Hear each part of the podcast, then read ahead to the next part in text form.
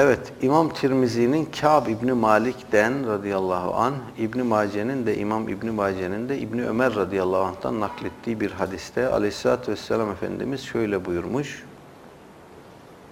Men talebel ilme li yucariye bihil ulemâe. Her kim alimlerle atışmak için, alimlerle münakaşa etmek için ilim öğrenirse,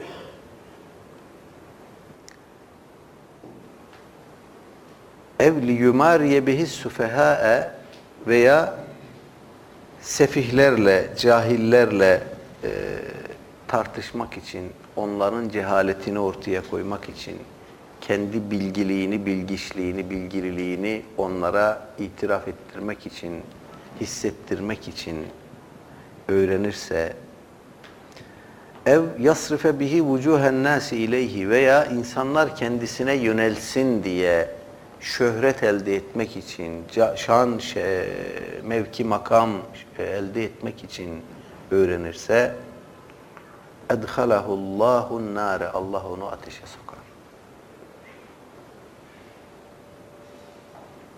Evet, bilme işi bu kadar hassas, bu kadar tehlikeli İslami ilimlerden bahsediyoruz. Bilhassa İslami ilimleri böyle dünyevi bir maksatla öğrenmesi kişinin encamını Allah korusun berbat eder. Alimlerle münakaşa etmek ilim meclislerinde efendim lan ne kadar alim bir adammış, ön kimse dayanmıyor bu adama dedirtmek için veya cahilleri mahcup etmek için, rencide etmek için, onlara kendi üstünlüğünü hissettirmek için, itiraf ettirmek için yahut şan için, şeref için, şöhret için bir cemaat edinmek için efendime söyleyeyim, kanaat önderi mevkiinde görülmek için ilim öğrenirse bir insan akıbeti cehennemdir Allah korusun.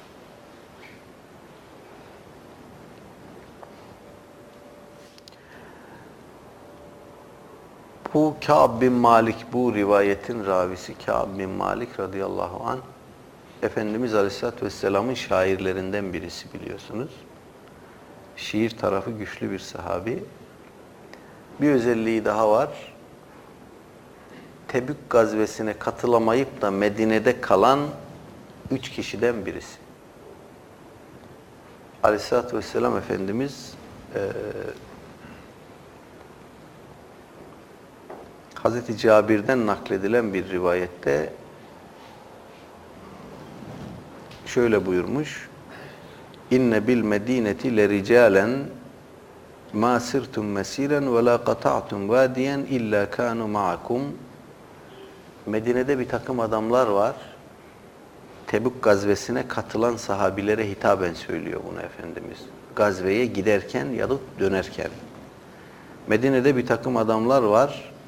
Siz hiçbir mesafeyi, yolu yürümezsiniz ki veya hiçbir vadiyi kat edip geçmezsiniz ki onlar da sizinle birlikte olmasın. Şu kadar ki habesehumul marad hastalık onları size katılmaktan alıkoymuştur. İşte o üç kişiden birisi Kâb ibn Malik radıyallahu an. Diğer iki kişi de Hilal İbni Ümeyye ve Mürare bin Rebi'a radıyallahu anhuma.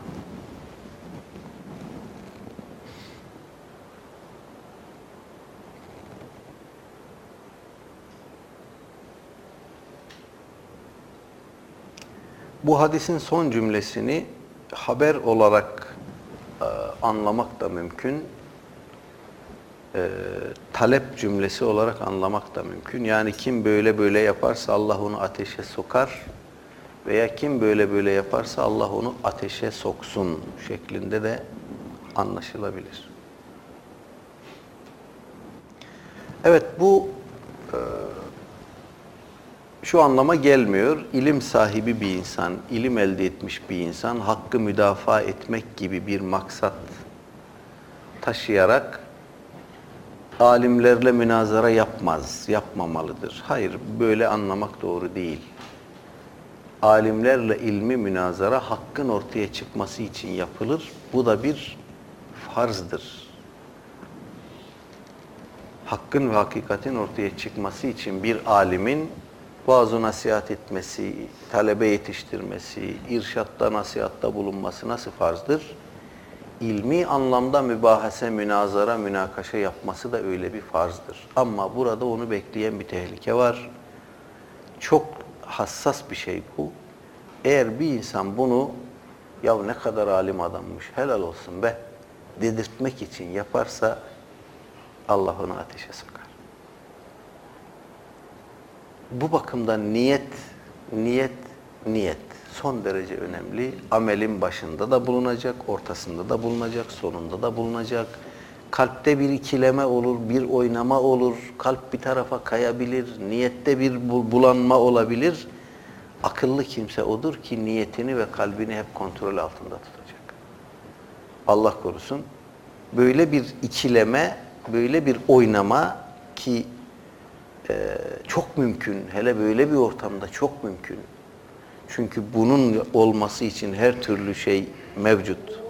Her türlü sebep mevcut. Bu olduğu zaman kişi ahiretini berbat eder. Bu kadar hassas bir iş Cenab-ı Hak ayaklarımızı kaydırmasın.